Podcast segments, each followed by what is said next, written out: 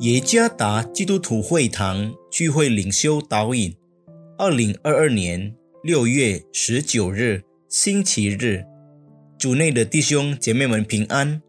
今天的领袖导引，我们要借着圣经约伯记一章四到五节来思想今天的主题：我的父亲，我的守护者。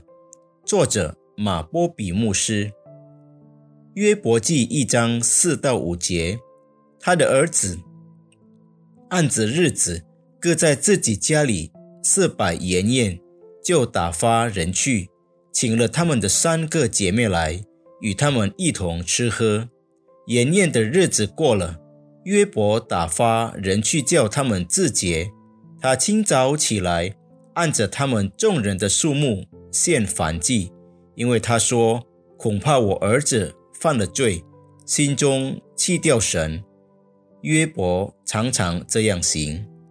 一九九八年，亚美尼亚发生了地震，大约有五万人死亡。独特的是，有一家报纸报道一篇关于事件发生时一位父亲带他的儿子上学的新闻。父亲放下儿子之后说：“爸爸爱你。”一会儿见，好吗？刚走几公里，他从后视镜中看到建筑物和他身后的街道都崩塌了。他立即回到学校。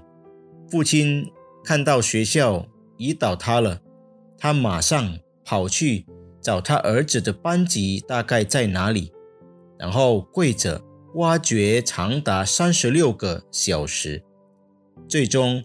他听到了从巨石下传来求救的声音，父亲喊着说：“谁来帮我抬起这块大石头？”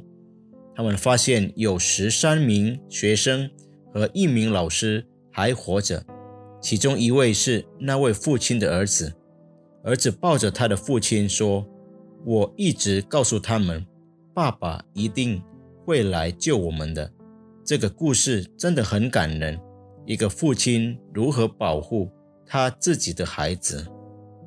今天我们从约伯记一章四到五节学习，约伯是一个虔诚的人，他被上帝托付了丰富的财富，并被赐予十个孩子，七男三女。他的儿子按着日子各在自己家里设摆筵宴，就打发人去请了他们的三个姐妹来。与他们一同吃喝。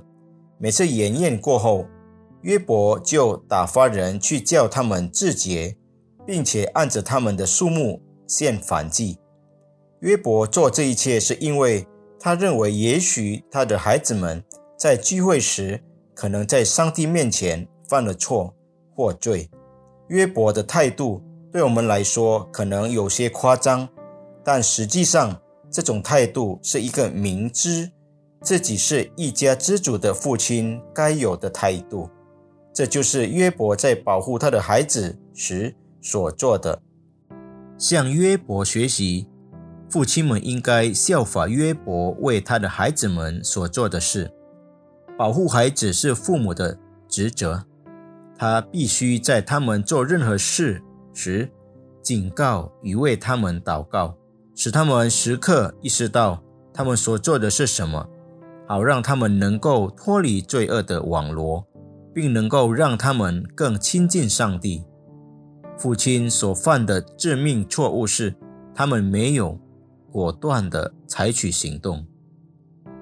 父亲，家庭中的守护天使，愿上帝赐福弟兄姐兄姐妹们。